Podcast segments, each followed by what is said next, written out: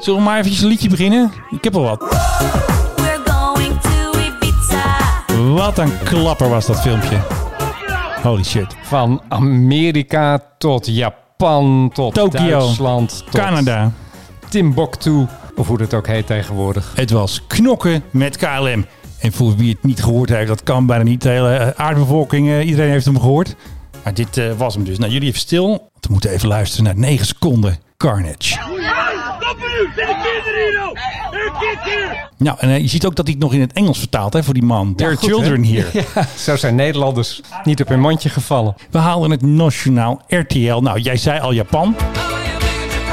En Big in Japan, dat klinkt dus ongeveer zo. Oranda hatsu no hikouki no naka de masku o meguri ga okimashita. Gimuzukeraret'a masku no o abareta dit is dus in het eh, Spaans zeggen ze dus eh, podcast Hollandeses. El vídeo ha estat penjat a Twitter per un podcast holandès especialitzat en aviació. Oh, deze heb, ik, deze heb ik helemaal nog niet eens gehoord. En Bielt noemde ons ook, hè? Ja, Beeld ook. Allemaal Duitsers en Franse site. Want het was natuurlijk het nieuws van de dag. Want Ja. het kwam ook op een beetje een raar moment. Omdat niemand nog wist dat het was gebeurd. Want het is dus vrijdag gebeurd. De Ja. vlucht naar eh, Ibiza. Er zaten ook nog bekende Nederlanders aan boord. Daar kwamen we ook nog achter eh, Anouk Smulders met Edwin Smulders. Die, ja, die zagen dat allemaal first hand. Dus Anouk had natuurlijk meteen het verhaal verteld. En ja, ik schrok. Ik weet niet wat jij ervan vindt. Ik schrok vooral van de heftigheid. Dat in negen seconden hoor je zoveel.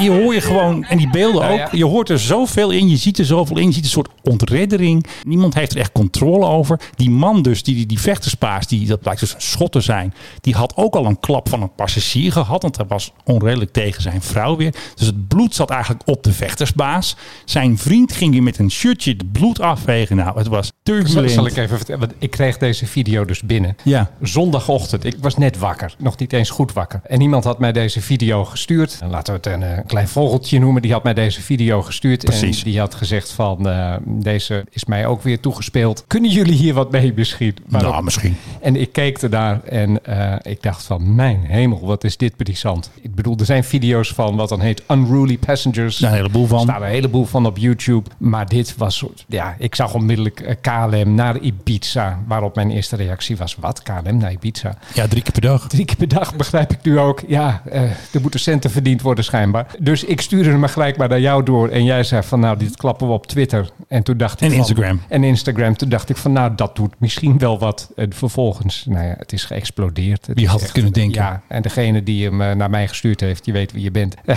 Ja, dankjewel. dit was wel erg leuk. Internationale beroemdheid voor de Mike High Club. Dumpert 1,1 miljoen. Hij is nu een beetje blijven steken. Op onze eigen Twitter heeft hij 200.000, sorry, 202.000 gedraaid. En een van de schurk van Poetin, van Ripley of RT España of zo, die heeft hem gewoon zelf eh, op zijn eigen Twitter gezet, op hun eigen Twitter. Die draaide ook al iets van 130.000.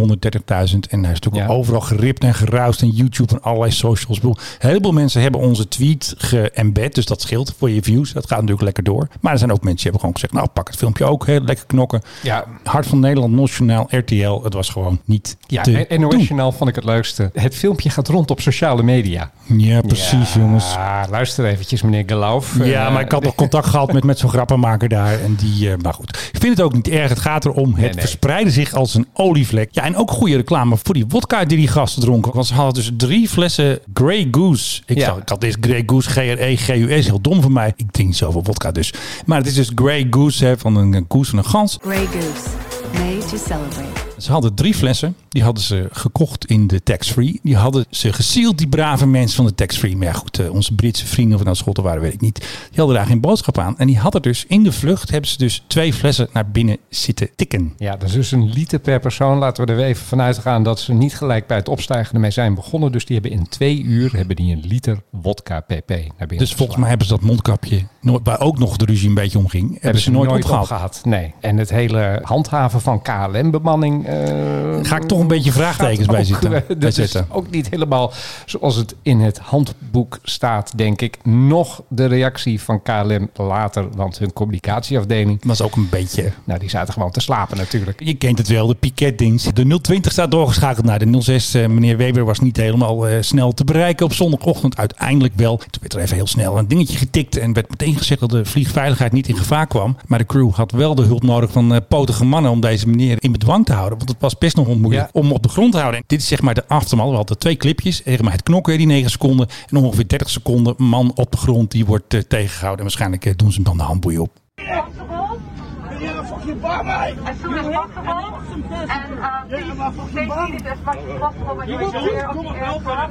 Please be seated as much as possible. Dus ja, sommige mensen moesten even een knie in zijn nek doen. Maar de anderen die mochten gewoon Luister, blijven zitten. Waarom heeft deze captain niet geroepen... Ladies and gentlemen, heavy turbulence on the way. Sit down immediately. Ja, dat was misschien wel goed geweest. Seatbelt, fasten your seatbelts, tighten it. Ja. Ik bedoel, dan gaan mensen wel zitten. En dan Ja. misschien een beetje met Ja. de vleugels heen en weer eh, om eh, dat te simuleren. En dan gaan mensen denk, denk ik wel zitten. En dan kun je ook zo iemand proberen ja, in de boeien te slaan of af te voeren. Ja, want het was ook nog bij de landing. Hè. De echte, zeg maar, het knokken wat we net lieten horen, was natuurlijk op het moment van de landing.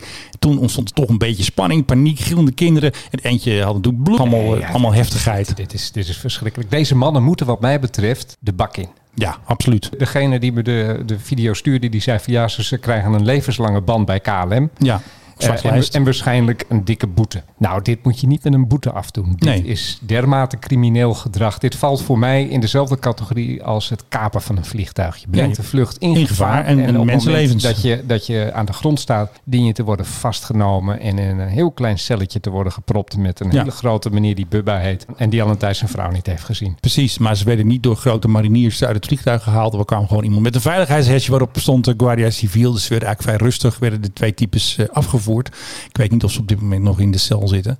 En KLM hadden ze ook een mail gestuurd, die heb je ook gezien. Ja, hadden ze een mail gestuurd prachtig. naar alle passagiers die dus eh, slachtoffer zijn. En dan zie je ook dat ze zeggen van, u heeft mogelijk last gehad. En het woord mogelijk stond er al Hoe- twee keer hoe in. had je dit kunnen missen? Ja, mag nou eentje lag natuurlijk helemaal te slapen. Je had natuurlijk misschien een slokje wodka gehad of zo. Maar KLM is natuurlijk meteen aan het downplayen. En dan sturen ze ook een hele mail. Die staat op onze website trouwens, eh, tmhc.nl. Kunt u de hele mail nog eens even rustig op uw gemak met een glaasje wodka misschien. Ik zou wel wat surans bij doen. Kunt u daar eventjes eh, van genieten. En eventjes nog even goed lezen hoe de KLM eh, dat aanpakt. En geen nummer erbij. Als je problemen had, dan kon je je gewoon melden bij de socials van KLM. Nou, die zijn meestal niet zo snel. Eh, nee. Nee. nee, moeten wij niet het bumpertje erin gooien of zo? Ja, we zijn zomaar begonnen beginnen eigenlijk. zomaar met, eh met eh Ja, we beginnen natuurlijk met heftigheid. Nou, dan doen we eventjes een overgangetje. Even kijken wat dat kan hoor. We're going to Ibiza. Fasten your seatbelts. Je luistert naar de Mike High Club. Ja, en dat zijn wij natuurlijk. Een miljoen, 1,1 miljoen views op Dumpert. Kijk, Menno Zwart zit, zit tegenover mij. Ik heb weer Philip Dreugen tegenover mij. Eh. Partner in crime zou ik bijna zeggen. Ja, ja, ja. nou ja, zo'n crime was het niet. We hebben het aan het licht gebracht. Ja, hè. want het past Maar- nog nergens. Het verhaal ook nog niet. Ik heb me daarna even een beetje verdiept in de Unruly Passenger.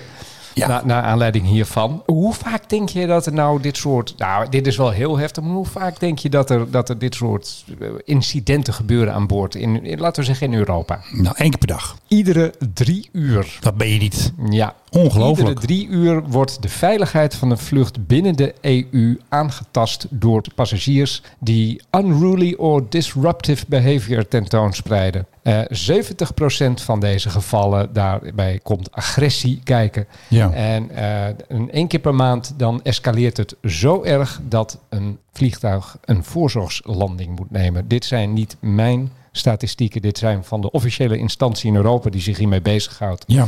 het loopt echt de spuigaat uit. Ik heb overigens zelf ook ooit meegemaakt dat eh, aan, aan boord van een vlucht naar het Verre Oosten. Ik weet niet meer precies waar naartoe. Het zal wel Ja. Singapore of Kuala Lumpur zijn geweest. KLM. Ik was aan zo half weggedut en ik, ik heb wel wat gehoord, maar ik weet niet precies. En de volgende ochtend ging ik naar het toilet. En toen zag ik een man heel merkwaardig rechtop zitten. En ik denk, wat is er toch met, waarom zit die man zo raar? Ja. Nou, dat bleek even later. Hij had dus handboeien achter, eh, het- om zijn handen, maar die, die handen waren dus ook achter zijn rug gebonden. Ja, eventjes tie wraps of handboeien of zo. volgens mij waren het echte handboeien, voor zover ik kon zien. Ik heb er later even met een van de cabinepersoneel eh, over gepra- gepraat. En ook dit Ja. was een Britse meneer. En het ging weer eens om een combinatie eh, pillen, slaappillen neem ik Gebeurt aan. vaak, hè? En zware drank. En dan kunnen mensen totaal doordraaien. Eh, overigens, het meest herinner ik me nog de blik van zijn vrouw. Want die zat dus gewoon nog naast hem. Terwijl Ja. Amanda in de, in de handboeien zat. Ja, precies. Eh, ik heb zelden iemand zo beschaamd zien kijken als deze dame. Maar Ja, nee, het- het- ik, ik heb ook even wat rondgebeld met eh, mensen uit de luchtvaart. En die zeggen, oh nee, dit gebeurt. Dit gebeurt. Ja. Nou, dit is wel heel heftig, maar er gebeuren heel veel van dit soort dingen. Een paar jaar geleden is er nog een Noorse mevrouw die kreeg geen drank meer. Die heeft ook een, eh, geprobeerd een purser helemaal aan gort te slaan. Ja. Ja, er gebeuren gewoon heel veel van dit soort En er was meteen weer een incident uit Spanje. Een vader en een zoon die deden vervelend aan boord van een vlucht uit Spanje. Een Nederlands vlucht, ik denk TUI. En ehm, die gingen dus een man lastigvallen. En toen gingen ze die man opwachten bij de bagageband. Toen gingen ze vechten. En toen heeft de marechaussee dus ingegrepen. En de twee vechtersbaas, een man van 47 en zijn zoon van 13... die moesten even een nachtje slapen in de cel. En die man heeft, zeg maar, het slachtoffer, de man van 27... heeft aangifte gedaan van mishandeling en bedreiging. Wat denken deze mensen? Ja, ik denk dat ze gewoon hun eigen regels bepalen. Dat ze niet nadenken wat jij net zei van hè, de veiligheid, levensgevaarlijk, kleine ruimte. eh, je kan nergens heen. Je ervaart het in een vliegtuig wel heel snel als bedreigend. Als iemand begint te schreeuwen of te duwen. Bij de bakker vind je dat ook al vervelend. En ja, Ja. in een vliegtuig komt het nog heftiger over. Maar dan iemand gaan opwachten bij de bagageband. Ja. En wat denk je dan? Dan sla je hem knock-out en dan gaat iedereen applaudisseren. en Zeggen, Ik denk goed, het niet. goed dat je dat hebt gedaan en dat je gewoon door kunt lopen. Nee, maar je ziet bij sommige mensen dat Wat ze een een soort idioten. opgekropte agressie hebben. Dat zag je natuurlijk al, want ze hadden dat in het vliegtuig, hadden ze al die man lastiggevallen. En toen wilden ze hem nog een keer pakken, waarschijnlijk eh, bij de bagageband. Ja. Er moesten verbanddozen misschien wel aan te pas komen. Maar gelukkig, wat ik dan zo mooi vind, hè, de marechaussee die schrijft dan altijd een tekstje op Twitter. Dan hebben ze altijd even een link naar Facebook. En dan gebruiken ze nog zo'n woord uit de tijd van de veldwachter. Toegesnelde marechaussees. Dus Ja. nee, niet marechaussees kwamen even kijken. Nee, ze kwamen toegesneld. Toegesneld. Toegesneld. Ja. Oh, heel goed. Fantastisch. Maar je had nog een paar voorbeeldjes geloof ik nog. Nou ja, het is ook helemaal niet zo moeilijk om te vinden. Maar ik ben ook eventjes gaan kijken op YouTube. Moet je ook maar eens zoeken op Unruly Passenger. Er zijn er best wel veel toch? Nou, dat, het, het, houdt, het houdt niet op. De ene is nog beter dan de andere. En vooral heel veel geschreeuw en gedoe. Dat sowieso. Eh, niet altijd dat er vuisten worden gebruikt. Want ik ook zag mensen die iets weigeren. En dan wordt er gezegd van ja, maar als je dat weigert, dan moet je van boord. Moet je eraf? Ja, en dan zeggen ze, ik ga niet van boord. En dan blijven ze zitten en dan denken ze van, nou, Hmm. dit, dit is het dan. Hè? Nou gaan we toch en ik krijg toch mijn zin. Toen ik zelf nog op Schiphol werkte, ik heb het ooit meegemaakt, ik reed daar een busje van een Ja. hotel. En daar mochten geloof weet ik veel acht mensen in. En toen stonden er op een gegeven moment veertien. Toen zei ik van, nou ja, moet je even wachten, dan kom ik zo meteen terug. Maar toen wilde iedereen die wilde met dat, met dat eerste busje mee. En toen gingen mensen die gingen er gewoon in staan. En toen zei Ja. ik ook van, luister, als je niet uit het busje gaat, dan ga ik niet. Nee. Nou, en dan blijven mensen ook gewoon staan. Nou ja, ik dus ook. Ja. Weet je, je bekijkt het maar. Dan wel. En uiteindelijk zijn er dan wel weer mensen uitgestapt. En dan, nou goed, ben, heb ik twee keer gereden met dat busje. Nou, nou, nou, nou, nou, nou. Ja, maar we hebben een hele lange vlucht gehad. Ja, wie niet hier waarschijnlijk aan boord, weet je. Ja. Het is allemaal...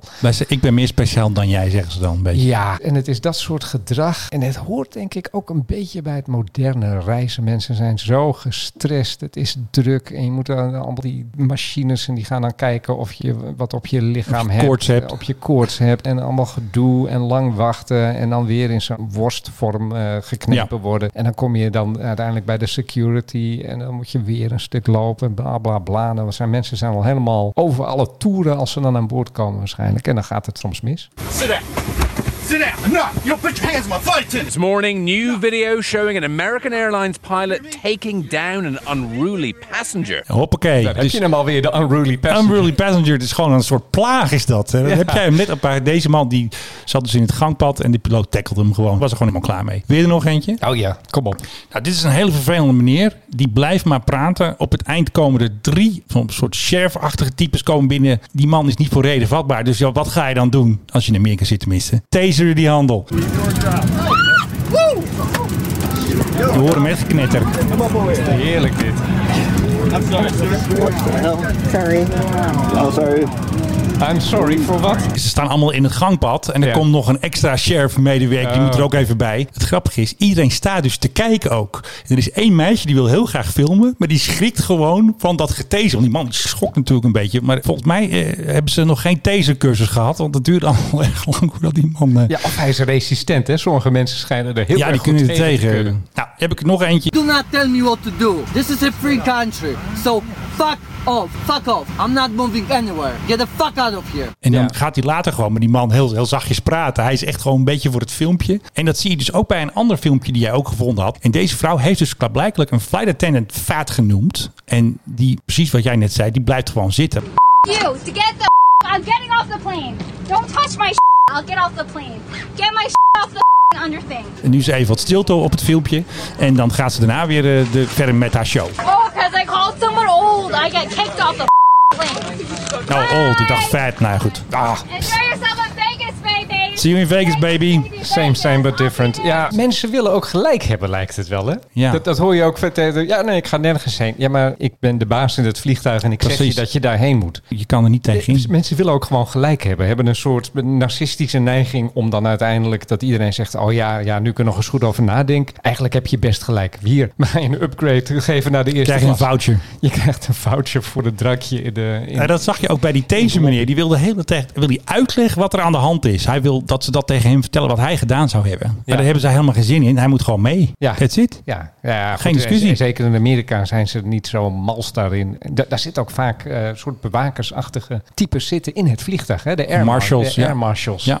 Ik heb begrepen dat die zelfs wel eens bewapend kunnen zijn. Wat mij dan weer een heel slecht idee lijkt. Ja, ze hebben daar speciale wapens voor. Hè? Die Israëli's hebben dat ook. Ja, maar dan toch. Ding Schieten zal- niet meteen een gat in de romp. Nee, maar het ding zal wel een raampje raken en zo. Ik zou er niet echt en in zo'n volle bak met al Hmm. Ik heb wel eens gehoord dat die Israëlische veiligheidsmensen ook speciale wapens en speciale kogels hebben om te kunnen schieten en dat niet meteen inderdaad het vliegtuig neerstort omdat er een kogel de motor in Die, gaat. die wordt gestopt of zo. Die Ja, heeft- dat zijn gewoon, niet eh, zo'n hoge, niet zo'n hoge snelheid. inderdaad, het is gewoon zo'n soort stopkogel. Ja, maar wat vind jij? Moeten we speciale, eh, moeten wij ook air marshals gaan krijgen? Ja, dat is heel erg duur. KLM moet ik denk dat hebben? dat je... Ja, Kost je een stoel, sowieso? Het kost je een stoel. Maar ik vind, we moeten goed kijken naar drank. Wat mag je meenemen? Dat dichtsielen heeft geen zin. Ze pakken het toch, ze zuipen het leeg. Ik denk dat je aan de voorkant veel meer moet opletten bij de deur. Wie komt er binnen? Wat voor types zijn het? En wat hebben ze mee? En ik denk dat je eerder moet ingrijpen. Maar ik heb ook nog gehoord, op Twitter zag ik ook... vanwege corona houden ze zich ook minder met passagiers bezig. Hè? Er is minder contact. Dus ja, Ja. Lopen minder langs als jij de, die fles vodka zit leeg te tikken. Maar ik denk ook dat er meer controle moet zijn op... Camera's. Camera's Waarom doen we niet gewoon camera's aan boord? Ja. Ik bedoel, iedere stadsbus heeft het zo ongeveer. Ja, precies. En iedere dat je gewoon de en- boeven en- kan filmen. En, en kan zien ook. Dat je kan zeggen van nou... Dat je, dat je kan, daadwerkelijk kan controleren, hebben mensen die mondkapjes Ja, op? Wat precies. mij een heel goed idee lijkt. Zitten ze inderdaad niet te zuipen. Ik heb ook wel eens een keer op een luchthaven meegemaakt dat ik mijn eh, tax-free spullen moest inleveren. Ja, dat zou veel beter het- zijn. Of dat die naar het vliegtuig werden gebracht. Precies. En dan mag je ze later meteen eruit bij de gate. En op het moment dat je er inderdaad uitstapt, dan, dan krijg je ze mee. Dat zou toch, een, zeker waar het om sterke drank gaat, dat moet je toch gewoon op die manier doen. En ook denk ik bij die kleinere vliegtuigen, zoals zo'n 737 waar eh, de knokpartij plaatsvond. Het is natuurlijk maar één buis. Je hebt, geen- je hebt maar één middenpad. Het is heel krap. Ja, dan moet je gewoon dat soort dingen beter eh, Ja. in de gaten. Weet je waar ze trouwens ook camera's hebben om de passagiers in de gaten te houden? De Toilet? PHGOV. Het regeringsvliegtuig heeft dat ook. Heb je daar nieuws over? Ik heb daar ook nog nieuws over. Ja. De KLM-stewardessen van de PRGOV die hoeven niet te kijken. Hey koning, heb je je mondkapje op? Kunnen ze gewoon zien op de camera. Het is een systeem van Fokker geloof ik. Dat zat ook al. Daar heb jij straks nog een nieuwtje over. Oh, nee, jij zat met de PBX. Maar in de KBX zat het ook al, dat camerasysteem. En dan is het nu de hoogste tijd voor Hé, hey, waar is de PHGOV? Papa Oscar Victor, one is left echo 5, clear for.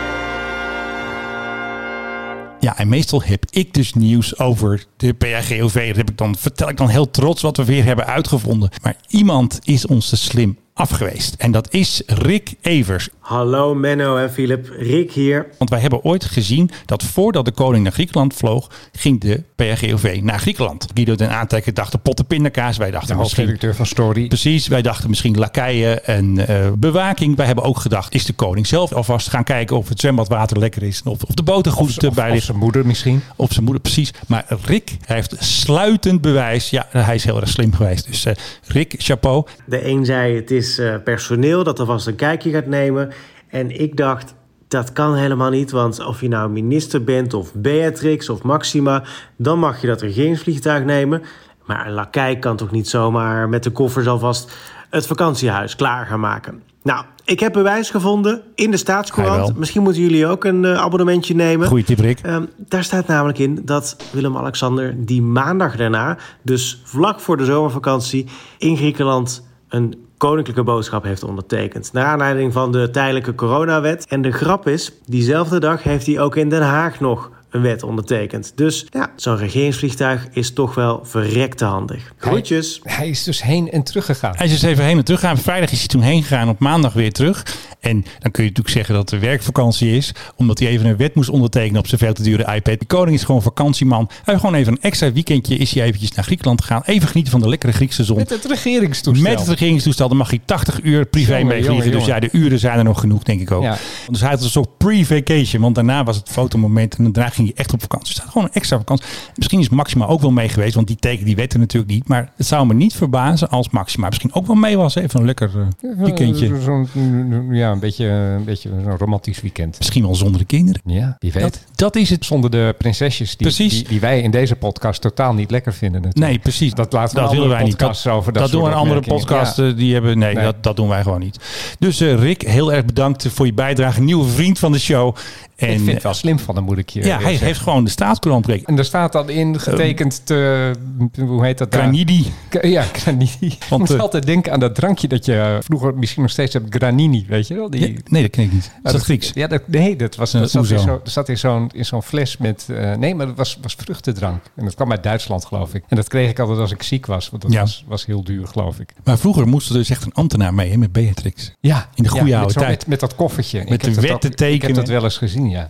En nu heeft de koning natuurlijk gewoon een Apple-oplossing. Ik ben natuurlijk Apple-fan, dat heb ik, heb ik gemeen met de koning. Verder niet zoveel trouwens. Maar ehm, die heeft dus een iPad en dan kan hij dus gewoon een wet optekenen. Ja, de technologie staat voor niets. En de koning heeft meteen een gratis eh, weekendje, toch? Ja, ja. We houden overigens eh, nog een koninklijk vliegtuig natuurlijk in de smiezen. Eh, een vliegtuig dat wellicht, as we speak, Ja.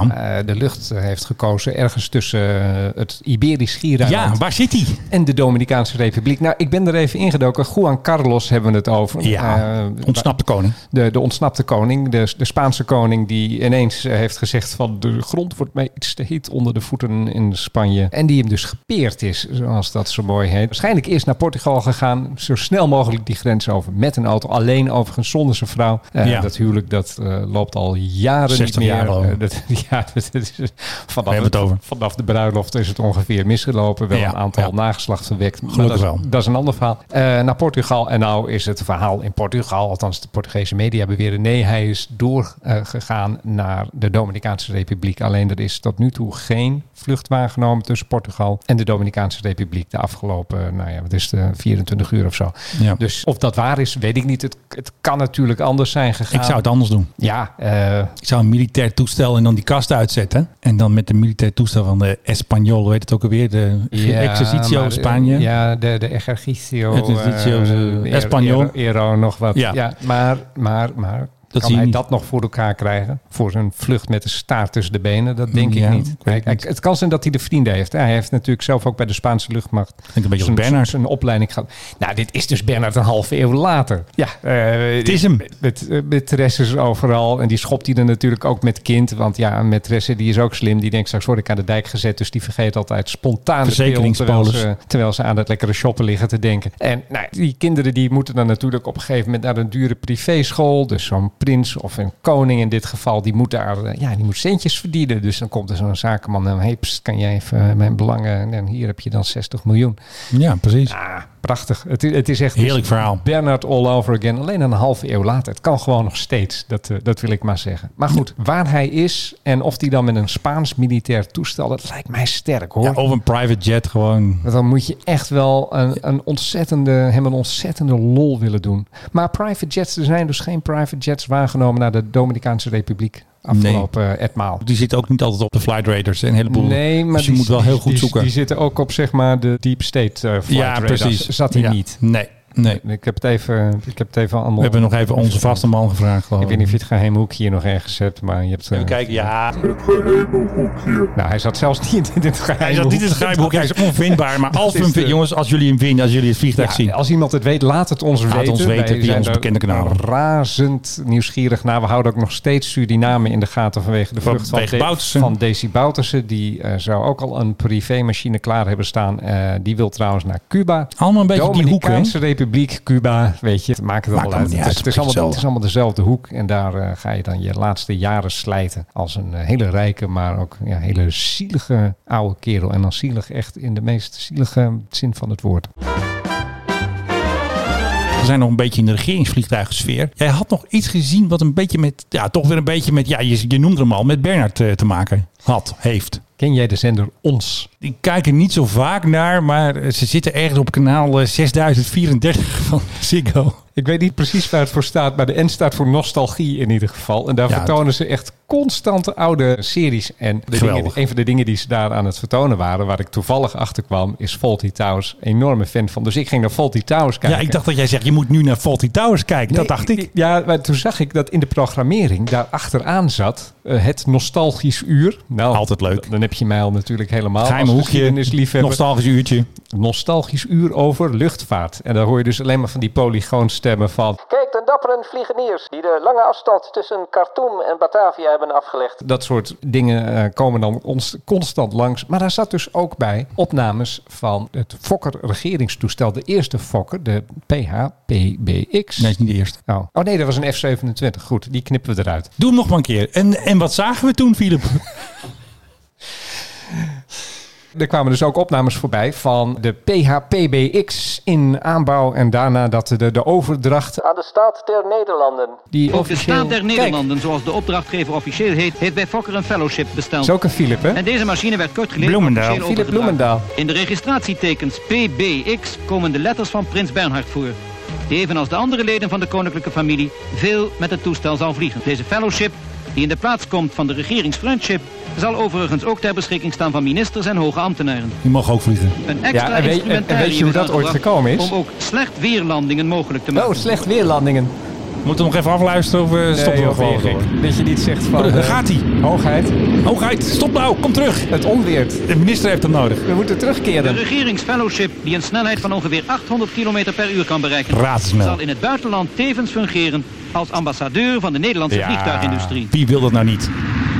Wilden ze nog fokkers verkopen. Ik moet zeggen, het was een mooi toestel. Ja, hadden ze maar minder fokkers verkocht. Want op een gegeven moment Ging niet goed. maakten ze verlies op iedere fokker die ze verkochten. Dus hoe minder ze er verkochten, hoe beter het was. Ja, wat wilde ik nou eigenlijk... Jij wilde hier nog iets vertellen wat- over Bernard, denk ik. Wat wilde ik nou ook alweer zeggen? Ja, nou ben ik nu van ben je- me- ben je hem nou- kwijt, hè? nou, nou ben ik van me apropos. Ja. Zal ik nog even het stukje doen? Want jij kwam ergens op een idee. Evenals de andere leden van de koninklijke familie, Oh ja. veel met het toestel Kijk, het helpt.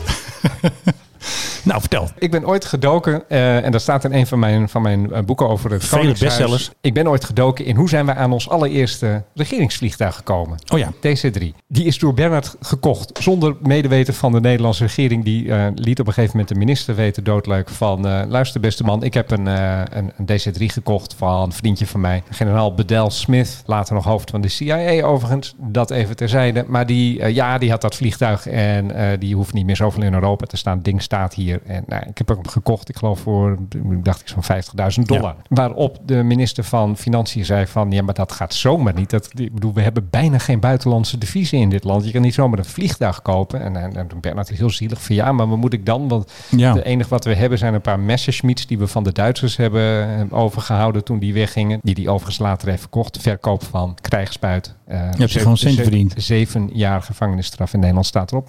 Even terzijde. En hij nul. Nee, ja, geen haan die daar naar kruidt natuurlijk. Ja. Maar goed, hij zei van ik heb alleen maar die oude Messerschmitts. Daarmee kan ik toch niet met de koningin ergens heen vliegen. We hebben een, een anständiges uh, vliegtuig nodig. En nou goed, eh, toen is er uiteindelijk zijn er onderhandelingen begonnen. Dat de Nederlandse staat heeft daadwerkelijk betaald voor dat toestel. Aan dat vriendje van hem, die Amerikaanse generaal. Ja. Onder voorwaarde dat ministers en hoogambtenaren er ook mee mochten vliegen. En toen is Bernard is teruggekomen met een tegenbod. Ja, dat is goed, maar de Oranjes hebben altijd voorrang. Ja, het is nog steeds zo. daadwerkelijk het document waar dat in staat. En dat is tot op de dag van vandaag is dat zo. Fantastisch. Hij was gewoon de baas. Ja, en, en het, ding moest ook vooral staan in, eh, in de buurt van waar hij woonde, Soesterberg. Soesterberg. Ja, ik bedoel, dat was niet echt een handige plek vanuit Den Haag natuurlijk. Maar ja, het was vooral zijn toestel. Ja, het grappige is dat eh, we zagen nu, of we hoorden nu net de PBX. Die kwam dus in dat nostalgisch uur voorbij. Toen Juliana was afgetreden, 1980. Beatrix werd koningin. Toen wilde Bernard, die wilde nog steeds dat ding gebruiken als een privévliegtuig. Onder andere om naar eh, de Shah van Perzië te vliegen, want dat was een vriendje van hem. Ja.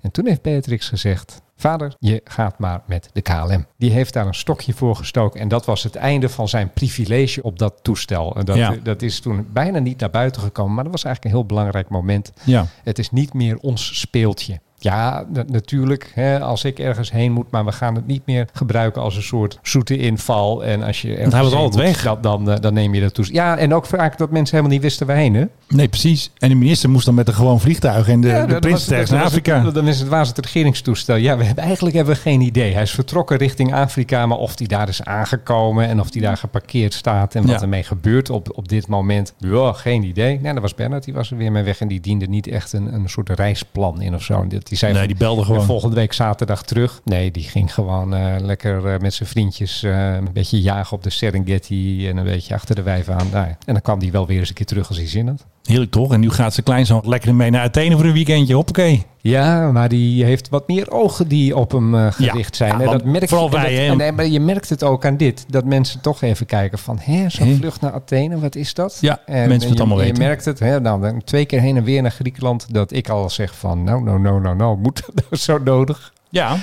Dus eh, het, er is wat minder vrijheid. Want eh, straks komt de koning weer waarschijnlijk weer even terug. Want dan eh, gaat hij de herdenking, capitulatie, dat heb ik al eerder gemeld. Oh, Indonesië. gaat Japan in Indonesië gaat hij dan eh, hem herdenken. En dan verwachten, omdat hij waarschijnlijk wel zes weken weg blijft in Athene, dat hij daarna gewoon weer terugvliegt. Dus eventjes weer een heen en weertje. Dus eigenlijk gewoon twee vluchten. Want de crew moet natuurlijk ook hem ophalen. Volgende week vrijdag, denk ik. Ja. Ja, ik wil ook nooit meer wat van deze man over het milieu horen. Eigenlijk niet. Nou, die eh, BBJ, dat is, hij heeft een mooie footprint, toch? Ach joh, ik heb hem eens een keer een toespraak horen zeggen dat je de kraan dicht moest doen als je je tanden poetst. Echt. Ja. Heen en weer vanuit Griekenland. Met Tuurlijk. Een, met een 7 Hey, komt er nou champagne uit die kraan? Want ik ben wel aan boord van het vliegtuig geweest, maar ik heb niet gekeken wat eruit kwam. Nou, vast niet, want de prinsesjes, die, eh, waar wij verder nooit wat over zeggen, Nee, nooit. die zijn ook mee. En die zouden anders misschien ook wel een beetje vrolijk ervan worden. We hadden natuurlijk heel veel over gedoe met uh, stewardessen en stewards. Of we zijn helemaal de luchtvaartplaats vergeten. Dus die, uh, die rosten we nog eventjes in. Goed? Ja, want die gaat over een stewardess. Jij snapt hem. Je hebt altijd wel gezellige platen. Goed hè? Nou, dan gaat hij maar eens zingen. En dat is nu.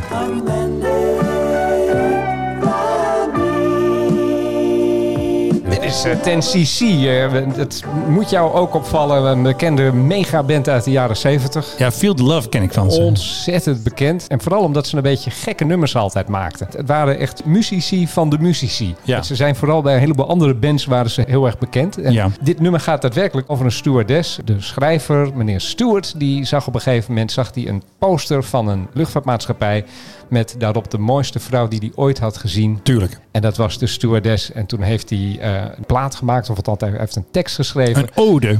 I'm Cindy. En toen dacht hij van, nee, dat bek niet lekker. En toen heeft hij ervan gemaakt, I'm Mandy, please fly me.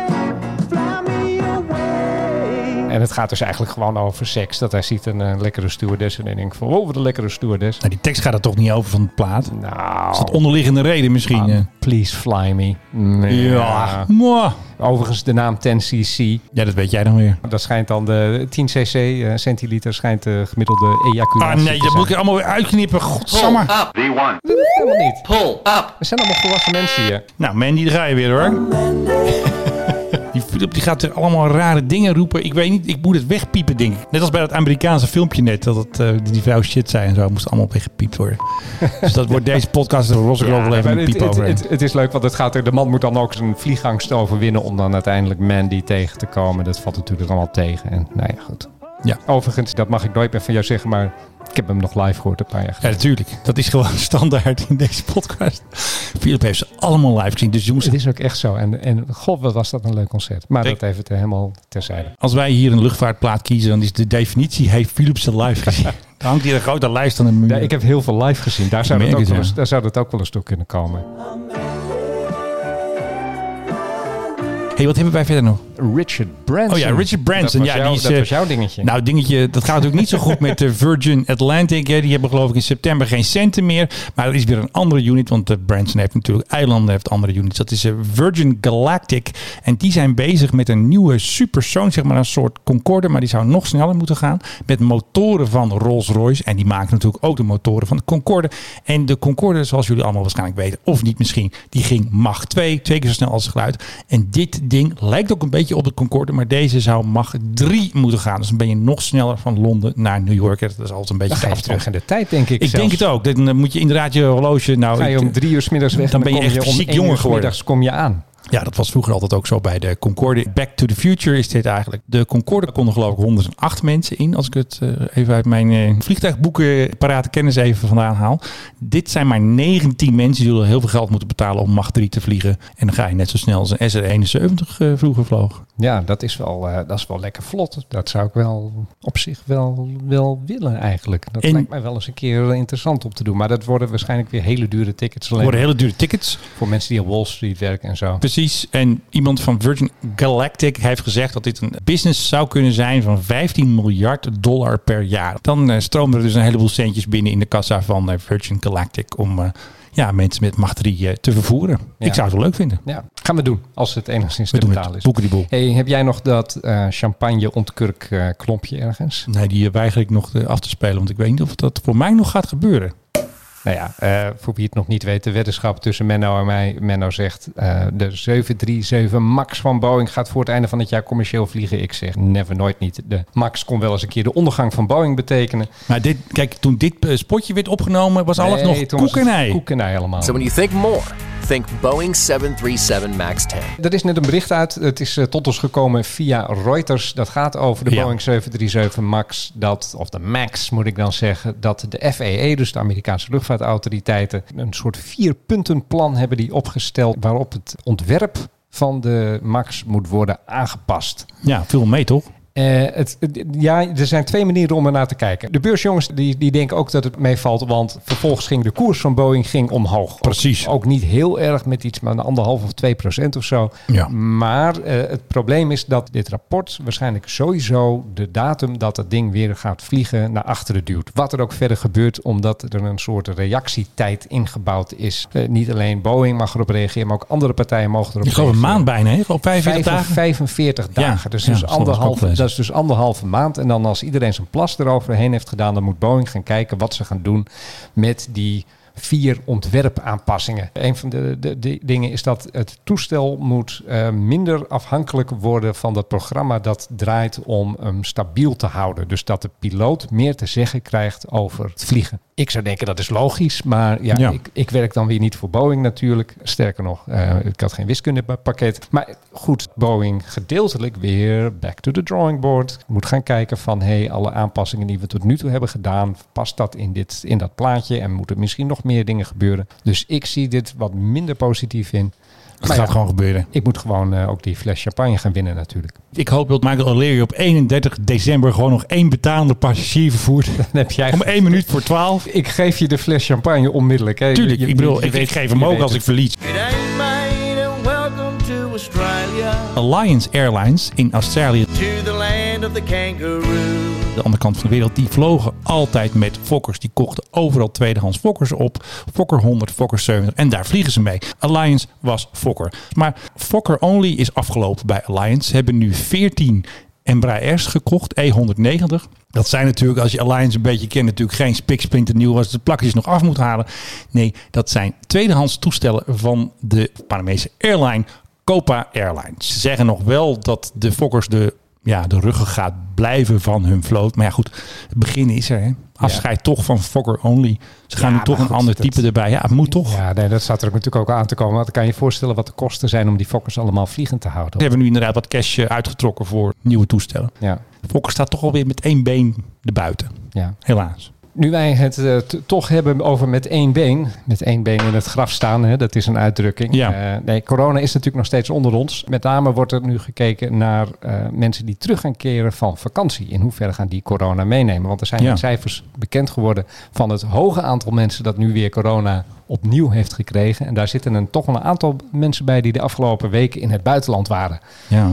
Dus hebben ze die dingen, dat virus hebben ze dat meegenomen van hun vakantieadres. Ja. De GGD's in Nederland weigeren voorlopig te testen op Schiphol. Ja, is ook niet handig, denk ik. Wat ik raar vind. De grote baas van Heathrow die heeft laatst gezegd... de sleutel tot blijven vliegen in tijden van corona is testen op de luchthaven. Het duurt allemaal erg lang. Ja, en ik ben geneigd dat met hem eens te zijn. Want, nou oké, begin oktober moet ik naar Italië. Ga ik vliegen? Ik twijfel echt hoor. Ik denk van, ja, ik kan ook gaan rijden. kan ook eh, met de trein. Nou ja, dat is een beetje mijl op zeven. Maar goed, het kan. Terwijl ik, als ik zeker weet dat ik aan boord zit met allemaal mensen die negatief zijn. Ja, dan zou ik toch wel een, een, een stuk makkelijker vliegen, denk ik. En wellicht krijg je dan ook wat minder van dat soort eh, Britse schorrimorrie dat eh, tegen anderen gaat uitvallen. Maar niets van dit alles dus. Nee, geen grootschalige testen op Schiphol. Ja, en eh, die twee weken quarantaine, als jij uit een oranje land thuis komt, dat die is ook niet verplicht. Er staat geen agent voor de deur. Neus. Er gaat toch niemand gaat controleren. Niemand je- waar agent van, hé hey, meneertje, eh, twee weken. Ja, nee, eigenlijk zouden ze je dan gewoon verplicht een app op je telefoon moeten laten zetten die eh, bijhoudt waar je bent. Dat is pas de corona-app. Ja, de- de- dat- de- alleen voor luchtreizigers. Ja, nee, maar serieus. Nou, vind ik niet eens zo gek. Nee, maar dan goed, dan, dan kun je natuurlijk zeggen, ja, dan hou je je telefoon thuis. Maar ja, de, de meeste mensen tegenwoordig, dan, die voelen zich bijna geamputeerd als ze hun telefoon thuis laten. Dat kan je controleren. Je kan kijken, ligt die telefoon stil of wordt die meegenomen? Ja. En dat zou misschien eh, het luchtreis ook weer wat aantrekkelijker kunnen maken. Je had het net over met één been in het graf. Ik had dus gezegd dat eh Stef Blok Airlines eh, afgelopen was. Hè. Ik had al een afscheid genomen in de vorige podcast met natuurlijk deze meneer. Bring. Natuurlijk het geuzenlied van, eh Buitenlandse zaken. van Stef himself. Oh nee, nee, waar zit je nou? Stef Blok Airlines. Precies, daar zit hij. Ja, dat was nog die knal voor het andere liedje. Stef Nou Blok goed, Airlines. Ik dacht dus, het is afgelopen met Stef. Iedereen zit lekker thuis of misschien in quarantaine waar we het Ja. net over hadden. Maar nee hoor. Stef Blok Airlines never dies. De zoveelste repatriëringsvlucht staat alweer in de stijgers.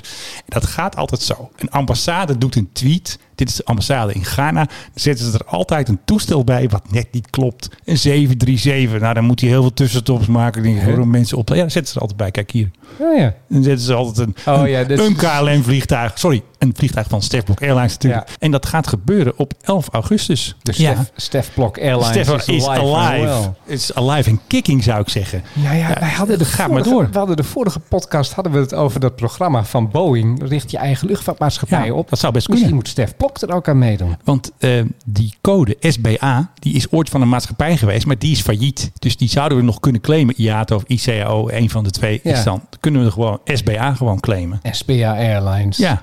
Je kan dus op de Facebook weer kijken van de ambassade als je mee wilt. En dan eh, krijg je via een automatisch antwoord. Hey, ik ga er ook even een e-mail heen sturen. Dan krijg ik ook die instructies. Oh, dat moet je doen. Ja, Ja, dat ga ik gewoon doen. Ja, die gaan we dan de volgende... Oh, dan moet ik wel opschieten. Die volgende Hoe, eh, hoe laat is het? gaan we hem even Want je, je moet je registreren eh, voor 5 augustus, 5 uur. Je hebt nog exact 24 uur. De vluchten worden natuurlijk uitgevoerd door KLM. En die gaat van Accra naar Amsterdam met een tussenstop. Hebben ze ook nog even wat mensen, ook nog even Stef Blok, eh, gaan nog even wat mensen op in Lagos. Aha. Dus er wordt eventjes een eh, Afrikaanse trip voor de rest, Stef. En er komen ook nog vluchten aan. Ja, je gelooft het niet, het is augustus. Maar er komen ook nog vluchten aan Zuid-Afrika. Alweer. Het gaat Hoeveel weer gebeuren. mensen zitten daar wel niet? Ik denk 100.000, nee hoor. Maar eh, Stef Blok Buitenlandse zaken. blijft gewoon vliegen. Stef Blok gaat de kerst halen.